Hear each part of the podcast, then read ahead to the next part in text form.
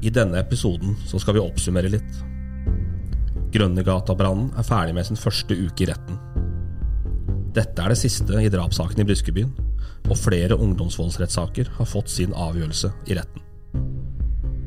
Dette er HAs kriminalpodkast Blålys. I studio sitter Jan Morten Frengstad og Trond Svendsen.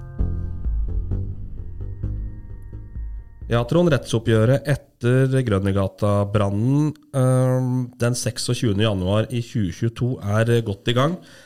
Den første rettsuka har blitt brukt til innledningsforedrag, tiltaltes forklaring, og på fredag så ble de første vitnene øh, ført inn i vitneboksen. Mm.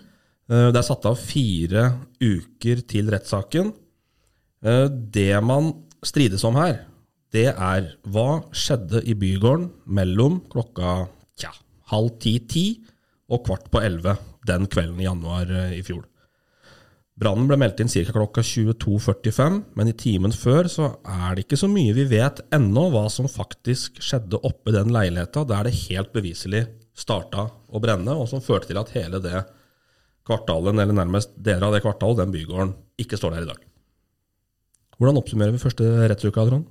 Det har jo vært, har vært, Her har det vært mye informasjon. Enormt mye informasjon. Eh, først men med et langt innledningsforedrag fra statsadvokaten, som jo, eh, som jo, tegner et bilde som ligner litt på det du, du skisserte rammen på nå. Og så har vi jo hørt en lang forklaring inntil et visst punkt fra tiltalte.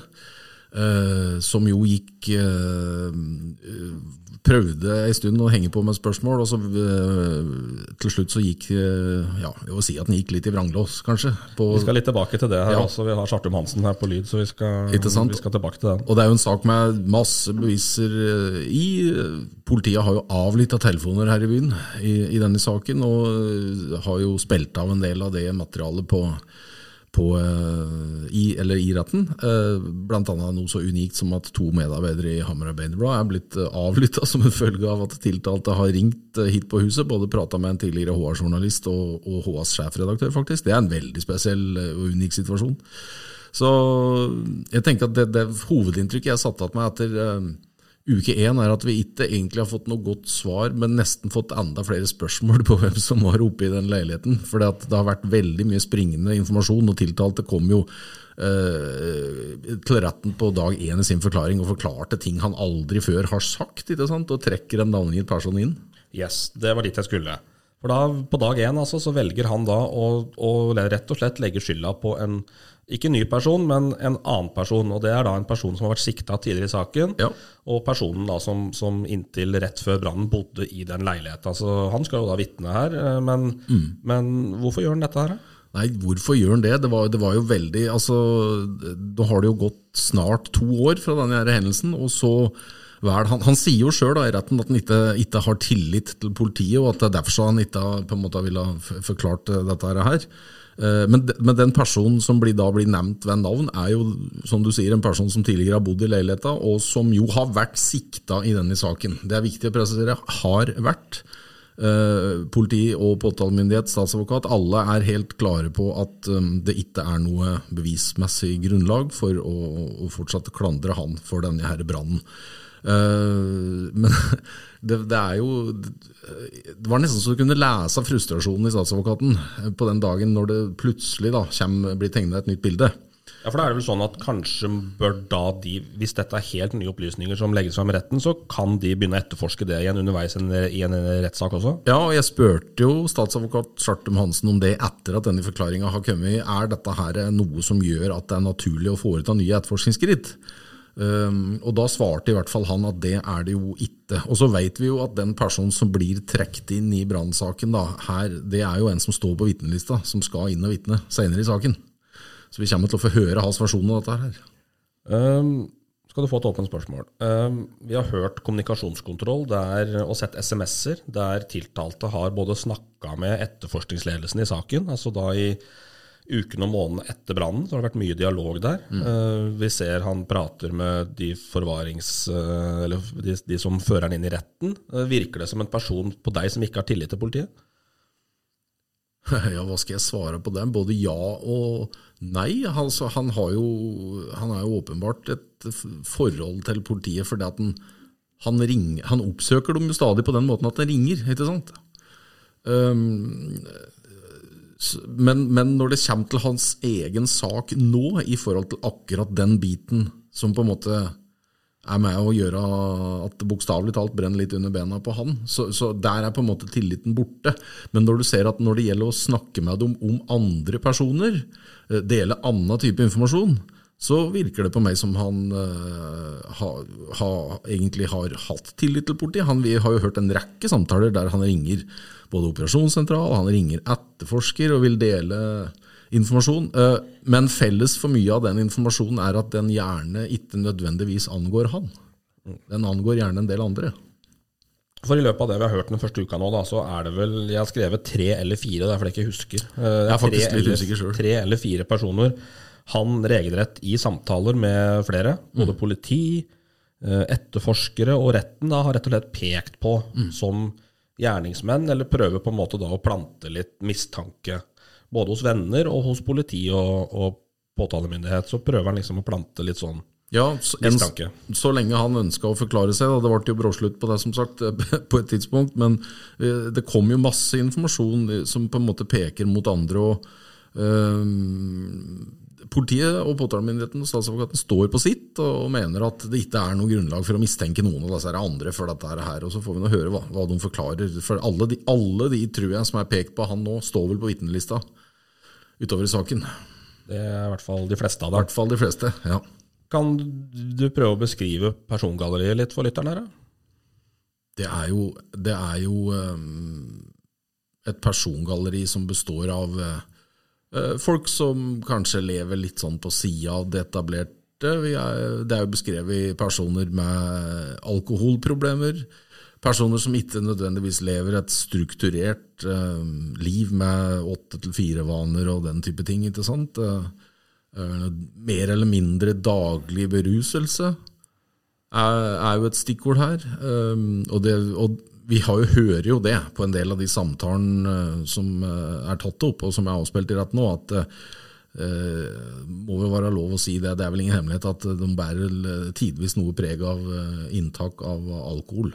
Og tidspunktet er jo også bare preg ofte av det. Tidspunktet er jo ofte litt sånn utafor, ikke sant. Og det, det er, sånn er jo det persongalleriet i denne saken. Både han som endte opp som tiltalt, og, for så vidt òg de som har vært sikta i saken. Det, det er, det er sånn personer som lever litt utafor det normerte samfunnet. Mm. Mm. Dette var jo da personer som ble ble, ble pågrepet og sikta ganske tidlig etter brannen, men så ble de også sluppet ut ganske fort. Jeg er usikker på om de faktisk var fengsla, om det var varetekt eller om de bare satt i arresten i 48, det husker jeg ikke. Men i hvert fall ute ganske fort. Er det grunn til å tro her at dette var en liten manøver fra politiet for å slippe dem Eh, fjerne mistanken og så putte på kommunikasjonskontroll på dem? Må, er, de, er, de, så smarte? Jeg må, jeg må, innrømme at jeg har tenkt mitt om det. Eh, og om du får noen til å bekrefte eller avkrefte det, på en måte å si noe om det altså, eh, Det vil gjerne komme en forklaring, sikkert, vil jeg tro på at det ikke var bevismessig eller grunnlag for å holde noen, eller på gjentagelsesfare, eller hva det måtte være, en fengslingssak. Men det er nå i hvert fall sånn at det er en del telefonsamtaler på bånd som er fra ganske kort tid etter brannen. Eh, de er fra 8.-29. januar og, og, litt utover i februar, de, de samtalene vi har hørt i, i, retten.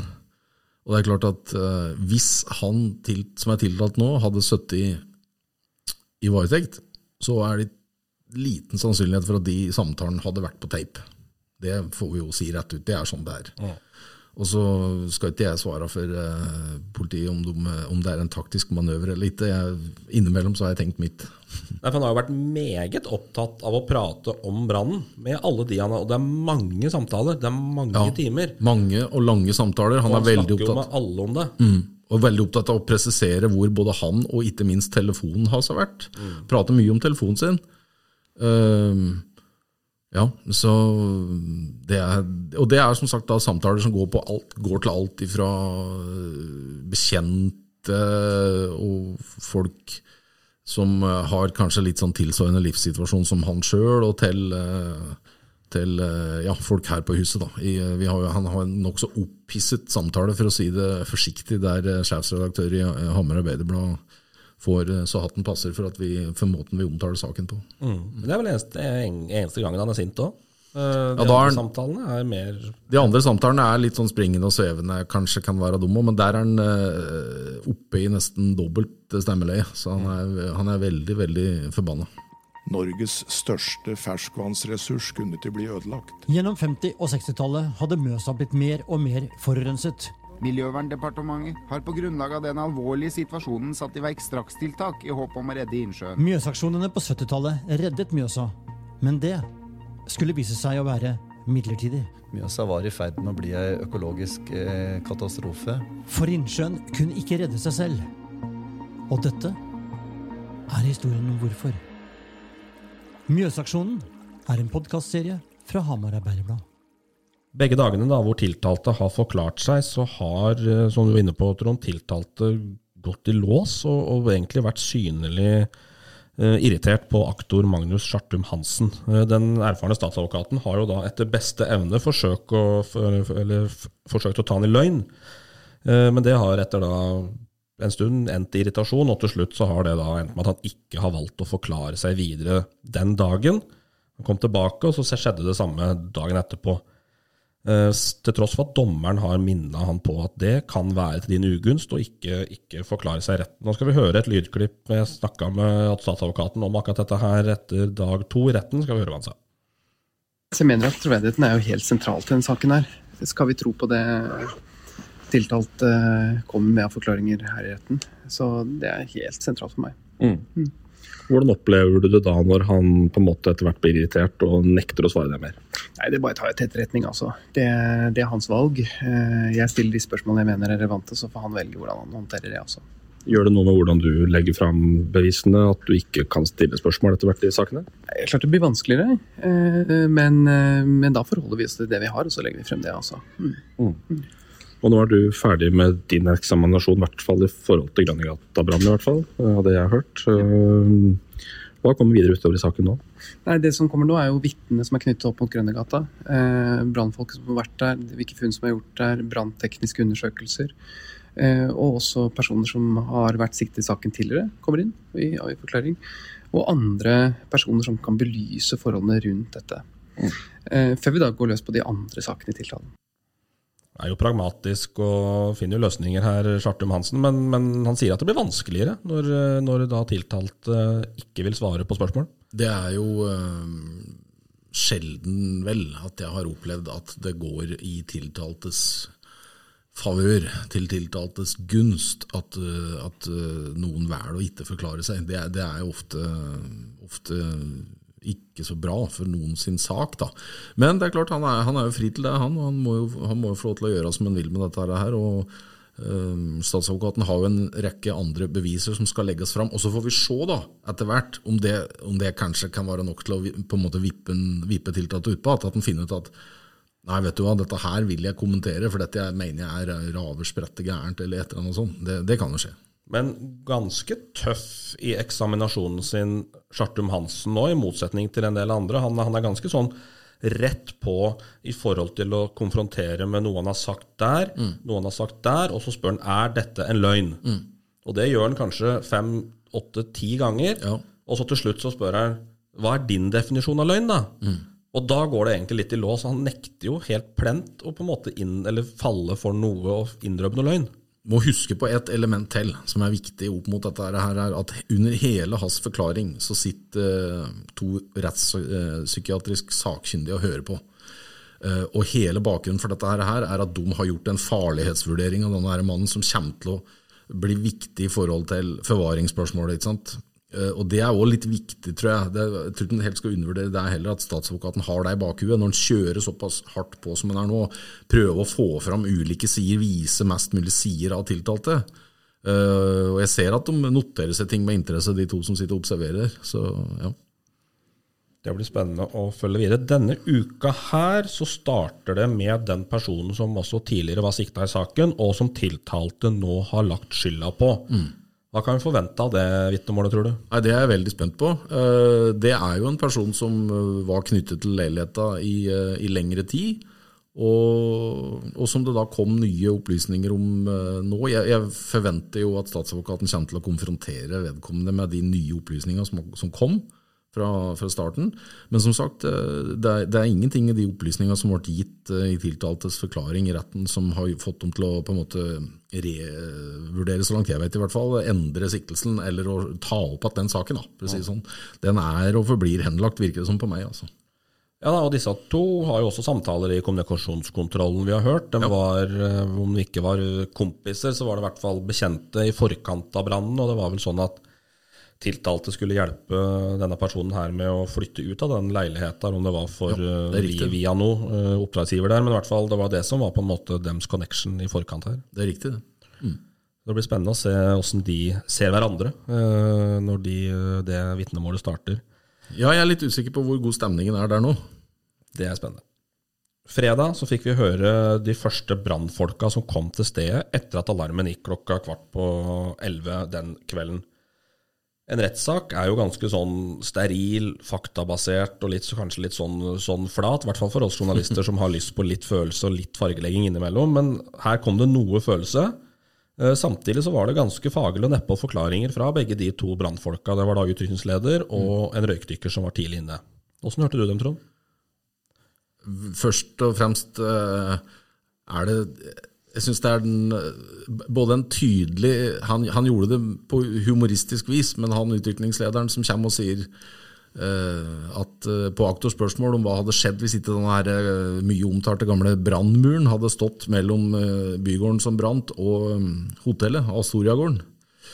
Og da svarer utrykningslederen for brannvesenet at da hadde det nok vært parkeringsplass der i dag. Og det tenker jeg at det er sånn, og Da er det jo lett å flire litt i retten, men det har jo samtidig et veldig veldig stort alvor over seg. Det viser litt uh, potensialet i det som skjedde i byen den kvelden. Men det var jo komisk òg, for eh, der så var det humring fra flere av oss akkurat på det spørsmålet. Men på en liten runde, om det var før eller etter, så var det jo nærmest latterkrampe fra samtlige aktører i retten. Altså til og med dommere, politifolk bak, aktor, tiltalt, forsvarere. Eh, Når aktor eh, faller litt utpå der, og så spør han vel en av disse brannfolka om, eh, om de rakk å ha noe planleggingsmøte før de kom til brannen. Ja, var, Han konkluderte vel sjøl, statsadvokaten, med at det er litt forskjell på hans jobb i det offentlige og på andre etaters jobb i det offentlige. Da. Det er klart at når fire mann blir sendt ut på det de tror er en brann i en leilighet som de, som de kan håndtere, og kommer bort dit og ser et helt kvartal som står i full fyr, så er det klart at eh, planleggingsmøte i ordets mest eh, konservative forstand, det, det er det vel i grunnen liten tittel. Og det, ja, det er litt sånn innimellom, for å være ærlig, den som har sett 70 mye i retten, som syns innimellom at det er eh, Og dette høres kanskje rart ut da, for folk som aldri har vært i en straffesak, men at det innimellom kommer ei sånn kule som på en måte kan løsne opp stemningen litt. Få folk til å flire litt sjøl om saken er alvorlig, det, det er litt befriende, altså. Absolutt. Eh, Et av de mer interessante vitnene som kom senere på fredag, var bartenderen på Distrikt 23, som da sier i sitt vitnemål at hun bekrefter at tiltalte i løpet av den kvelden, jeg husker ikke tidspunktet, eh, halv ti kanskje, Ja. eh, cirka, kom inn i baren.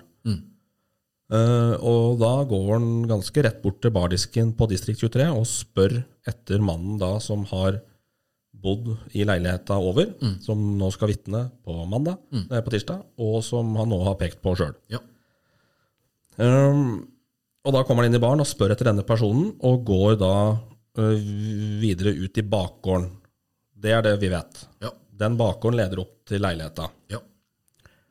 Og mer enn det vet vi ikke, mens hun sier i retten at synes det er rart at han kommer inn, men ikke kommer ut igjen samme veien.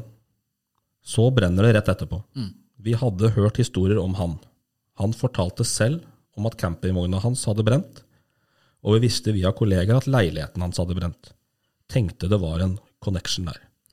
Det er jo skummelt å dra den for langt, for det, det, det, faktum at de har hørt sånne ting, det beviser jo ingenting. Men det som er eh, interessant med hennes observasjon, er jo at hun knytter han fysisk til å ha vært der på det tidspunktet. Det er det ingen tvil om. Han har sjøl oppsøkt oppmerksomhet ved å ta kontakt. ikke sant? Mm.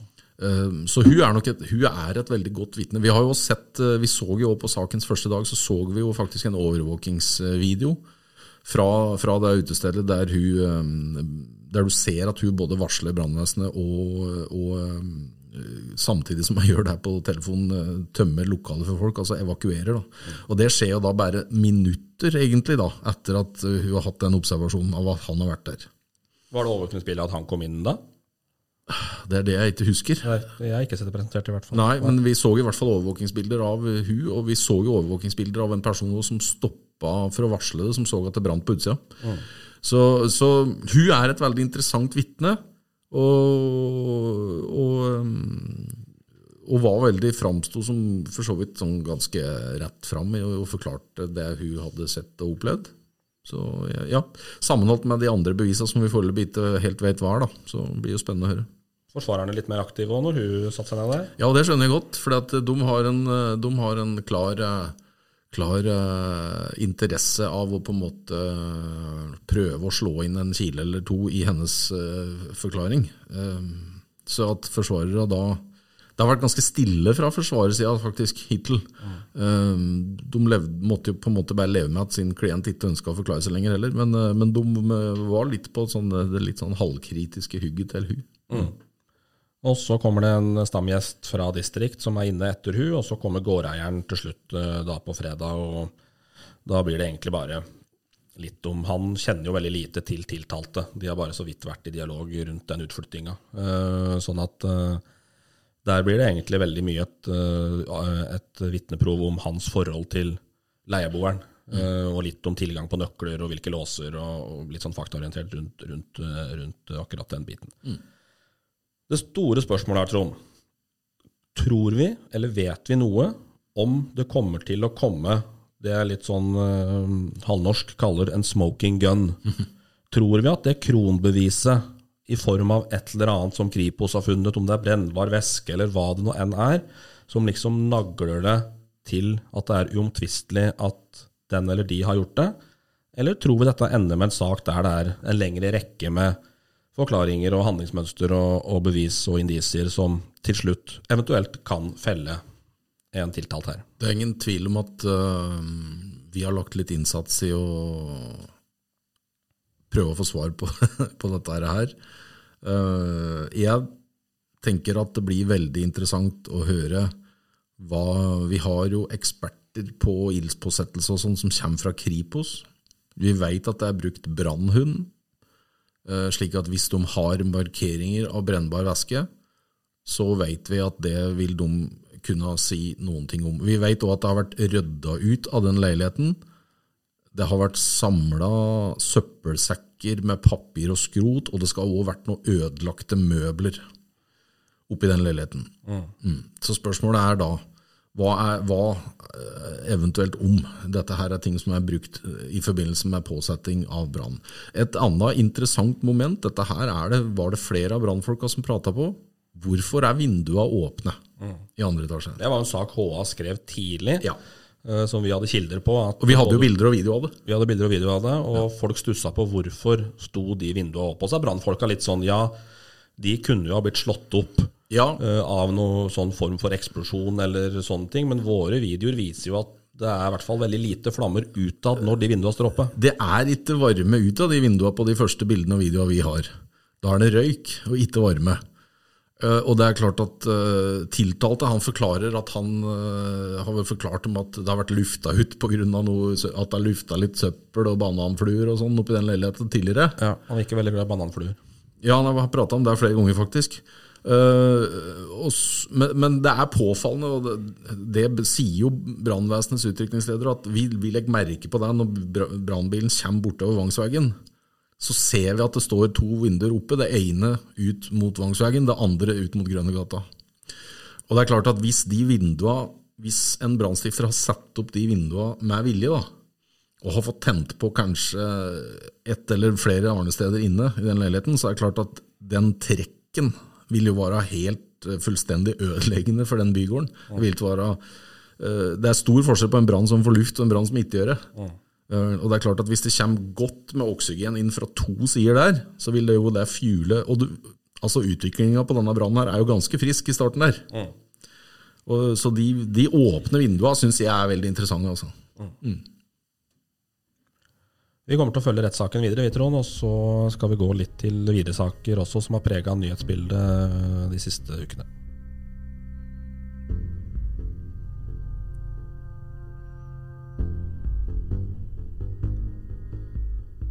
Det var 11. november at eh, Elisabeth Lanto Blystad ble funnet skutt og drept i en bolig i Briskebyen. Eh, Der er en mann i 30-åra eh, som i ettertid har blitt kjent at er broren hennes, har blitt sikta for saken. Han meldte seg for politiet samme kveld. I dagene som har gått eh, etterpå, Trond, så har politiet jobba ganske intenst med både taktisk og teknisk eh, etterforskning, men de har lagt ganske lokk på saken. De har klausulert dokumenter og styrt mye av informasjonsflyten til oss. Det er ikke så mye som har kommet til oss. Eh, Mannen er nå fengsla, det er noe han samtykka til. eh, Og to av de fire ukene i varetekt eh, så har han sittet på brev og besøksforbud. De to ukene er vel i ferd med å gå ut eh, nå. De går ut i dag, faktisk. Ja, Mm. Den mest dramatiske utviklingen i saken kom vel da politiet meldte og, og bekrefta at kvinnen var skutt, eh, og at hun døde av de skadene. Mm. I pressemeldingen så sto det at avdøde er påført ett skudd, og døden skal ha inntrådt momentant. Vi har gjort beslag av ett våpen, men vi avventer tekniske undersøkelser av våpenet før vi med sikkerhet kan si at dette ble benyttet. Det var det politiadvokat Tom Erik Wessenar Berntsen som eh, uttalte til HA. Hva er det siste nytt i drapssaken, Trond? Siste som vi har relativt ferskt fått bekrefta, er at eh, politiet nå har en forklaring fra tiltalte på eh, hvorfor han har begått drapet. Um, Det er en forklaring politiet ikke ønsker å gå i detalj på, men Berntsen sier eh, til meg og HA at um, de, eh, den forklaringa i ganske betydelig grad er med på å understøtte at er, at det er grunnlag for tvil om tilregneligheten. Um, så da må vi jo bare legge i det hva vi vil, egentlig. Men i hvert fall så er han ganske åpen på det at uh, det er fortsatt er sterk tvil om tilregneligheten på vedkommende, og at den forklaringa som er gitt, bærer litt preg om det. Vi har jo også nå fått bekreftet at han er sikte for uh, litt ulike andre lovbrudd. Det gjelder jo ikke minst at han har skaffa seg eh, skytevåpen på illegal måte. Han hadde jo ikke lovlig tilgang på skytevåpen, har ikke våpenkort, våpentillatelse, den type ting. Eh, Politiet veit hvor våpenet stammer fra, ønsker ikke å kommentere detaljer på hvor han har det fra, men han har skaffa seg det våpenet, og Berntsen sier til meg at eh, han visste hvor han kunne gå for å finne det skytevåpenet. Eh, ingen andre personer er sikta for brudd på våpenloven i forhold til det.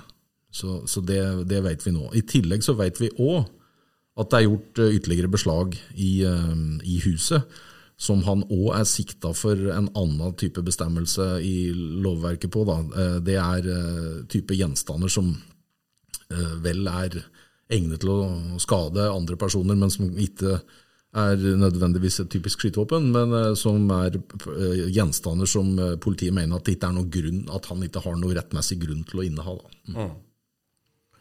Det er altså da siste nytt. Vet vi noe om motivet? Nei, jeg har i hvert fall ikke formelt eh, fått noe godt svar på hva, hva som skal være motivet på dette her. Det er klart at eh, det er uunngåelig å tenke at Vi vet jo, etter at de bekrefta at det er en tett relasjon mellom dem i forhold til å være bror og søster, så det er klart at eh, jeg vil jo tro at politiet bora litt i dette der, der. Men eh, vedkommende er jo, er jo ivaretatt av eh, helsevesenet. Det har vært eh, Forsvareren hans Helge Hartz også vært opptatt av tidlig. Ja, Han er ivaretatt av helsevesenet, og Berntsen sier til meg at eh, det kommer han fortsatt til å bli. Når fengslingsperioden går ut 11.12., så kommer politiet til å begjære han forlenga varetektsfengsla, og at det oppholdet da fortsatt skal være i helsevesenet. Han er jo, han er jo under det som kalles eh, judisiell observasjon, skal være der nå de neste ukene. Hva betyr det? Det betyr rett og slett at to rettsoppnevnte sakkyndige skal øh, vurdere han opp og ned eh, for å finne ut om han er tilregnelig og kan straffes på vanlig måte etter straffeloven, eller om dette er en sak som utløser den såkalte paragraf 62 i straffeloven. Da. Altså dette her med at en person som ikke er tilgjengelig, kan dømmes til tvungent psykisk helsevern. Eh, Det er jo en sak vi, sak vi kjenner fra mange profilerte saker. Den mest profilerte av dem alle er vel 22. juli-terroristen, eh, der du først hadde et team med, med rettsoppnevnte psykiatere som, som mente at den ikke var tilgjengelig, og så kom det en ny rapport etterpå som slo fast at den var tilgjengelig. Eh, interessant nok så var den rapporten som slo fast at den var tilgjengelig, var jo utarbeida blant andre av spesialist i psykiatri Terje Tørrisen fra vårt område, og han er jo nå faktisk en av de to som skal vurdere mannen i drapssaken. Vi fortsetter å følge drapssaken i Briskebyen, vi, Trond. Alt om den kan du lese på ha.no. Vi skal over til å snakke om ungdomsvold. To mindreårige ungdommer er i løpet av de siste ukene dømt for både vold og ran. Dette er de to første sakene som har blitt ført for retten etter at vi begynte å omtale ungdomsvoldsbølgen som har skylt over eh, Hedmarken de siste årene. De to som nå har vært i retten, er gjengangere, og som til slutt måtte møte i retten fordi de hadde brutt vilkårene for såkalt ungdomsoppfølging. Du skrev i en kommentar, en kommentar Trond, at et innblikk i en verden de fleste foreldre svært gjerne vil holde barna sine unna. Hva mente du med det? Jeg tror at uh, mange nok ville blitt overraska, for ikke å si sjokkert, over uh, hvor hardt eller hvor hard gatejustisen kan være blant ungdommer helt ned i sånn 15-16 års alder, kanskje til og med enda yngre òg. Jeg tror at en eh, Altså Som foreldre, foreldre vil jo normalt gjøre alt du kan for å holde unga dine unna dette der, der, for du ser at det er en spiral. Når du havner i den der greia der, så er det så fort gjort at du, du blir med i en sånn negativ spiral som er så vanskelig å komme ut av. Um, og, jeg, og jeg lurer litt på innimellom om, om alle foreldre faktisk egentlig helt veit hva som foregår, veit hvor alvorlig det er. altså. Det har jeg tenkt på. Åssen har det vært å være i retten med såpass uh, unge gutter på tiltalebenken? Nå har jeg bare vært øh, på den ene, han, som ble øh, dømt på en måte først, som var mye omtalt for, det, for blant annet den videoen av han som måtte ned og kysse skoene hans og kalle han boss og sånn. Um, og han er jo en gutt i slutten av tenåra som på en måte nærmer seg uh, litt mer moden alder, da. Eh, men de er jo fremdeles tenåringer, disse her, og bærer jo preg av at eh, det ikke akkurat er eh, vurderinger av konsekvenser og sånn. Han hadde jo, hadde jo egentlig et skole- og utdanningsløp som han hadde tenkt han skulle gå, og så ødelegger du veldig mye for deg sjøl at du plutselig får, får dommer. Han, han var jo òg under såkalt ungdomsoppfølging, som betyr at det blir etablert et team da, av ymse fagpersoner rundt denne her personen, som skal bidra til at alt ifra at de møter opp på skolen, til at de har fritidsaktiviteter, til altså alt dette her skal følges opp i et system. så um, Det som er så synd, er jo at de da, når de vilkårene blir brutt, så rykker de på en måte et knepp nærmere fengselsstraff. Mm. Vi, vi, vet jo da at han ble dømt til noe de kaller ungdomsstraff. Jeg mener han fikk ett år og to måneder, hvis jeg ikke husker gærent. Mm. Og det, det, betyr jo Det er en litt sånn strammere regime enn ungdomsoppfølging. For da begynner vi å nærme oss straffeinstituttet. Og riset bak speilet der er jo Hvis han bryter vilkåra der, så er du plutselig over på fengselsstraff. Mm. Og så er spørsmålet hvor bra er det da for disse her gutta? Er det det de trenger? Ikke godt å si. Nei, det er jo det vi må Det er derfor vi dekker disse rettssakene såpass tett som vi har gjort for å, for å følge opp dette her til seinere og se hvor dette ender hen. Ja, er, altså, For oss så er det jo etisk litt sånn utfordrende at vi sitter og skriver om uh, unger, i bunn og grunn. Men, men, men forholdene de har gjort seg skyldig i, og måten dette har skjedd på den siste tida, er såpass spesielt at vi ville jo ikke, vi ville på ingen måte levert på samfunnsoppdraget vårt hvis vi, hvis vi bare stappa huet i sanda på det heller. Nei. Og Det er da de to rettssakene som var. Det var som du sa, den ene der det var et, en, en rans og noe greier i Brumunddal, var det vel, der mm. han måtte ned og kysse skoa og den. Og så var det noe slagsmål utafor en messe borte på Scandic. Vel? Det er riktig. Og så var jeg i retten på en, en lignende sak der um, den ene var det store slagsmålet eller denne overfallet av en tenåringsgutt utafor CC Hamar og Eidsiva, på den bussholdeplassen mellom der. Ja, det er jo hendelser som har fått mye oppmerksomhet, alt dette her. sant? Absolutt. Og i tillegg et, et, et ran. Eh, Når vi, og, og, bare for å ta det, når vi snakker om, om, om ran her, så er det sånn kom, eller Du møter en jevnaldrende gutt og så ber du om noe penger, og kanskje har med deg en pistol som ligner på noe, eller lekepistol. Var det dette ene tilfellet? Ja. Det er på en måte ikke de der, Det er ikke bankrana vi kjenner fra 90-tallet, bare sånn at vi har Nei, ja. nivået nivå på det her. Men eh, Det er ikke strømpe på huet. Og den, altså, men ran, da, definisjonen av ran er jo når du på en måte bruker et, enten en gjenstand eller grov, i hvert fall grove trusler eller et eller annet for å fremkalle en frykt hos den andre parten for å ja. gi fra seg et eller annet av verdi. Mm. Det er et ran. Og samme skjedde jo da med den rettssaken jeg var i. Eh, han også slapp, uh, slapp unna fengselet sånn sett, uh, og ble da dømt til ungdom, ungdomsoppfølging. Og da det, begge dommer så er det også understreket at hadde disse vært voksne, eh, så hadde det vært fengsel i over ett år. Ja, da ser, da, da ser du da at systemet er jo, er jo sånn innrettet at det skal på en måte Hvis du, hvis du tenker deg at uh, straffereaksjonskjeden er en slags pyramide, da, så er det, er det det skal anvendes på en måte lavest mulige inngrep i forhold til at de er så unge. ikke sant? Men faren med det er jo at hvis de Eh, hvis, det, hvis dette her ikke funker, og hvis de bare fortsetter på den, eh, på den galleien de eh, er litt inne på, så er det klart at da ryker de før eller senere inn. Og det er dårlig skole å gå for å ikke bli kriminell. Det vet vi jo at eh, fengselsstraffer eh, sånn sett er ikke alltid det. er, Selv om eh, kriminalomsorgen sikkert gjør sitt aller ytterste, så er det fort gjort at det knyttes kontakter, og at du, blir, at du hardner til litt. da. Det, Trond, var det vi hadde fra krimverden den eh, gangen her. Vi går tilbake i studio vi, så fort eh, det skjer noe, og vi fortsetter å følge både drapet og Grønnegata-brannen og andre rettssaker som kommer utover desember her og over i nyåret. Dette her var HAs kriminalpodkast Blålys med Jan Morten Frengstad og Trond Svendsen.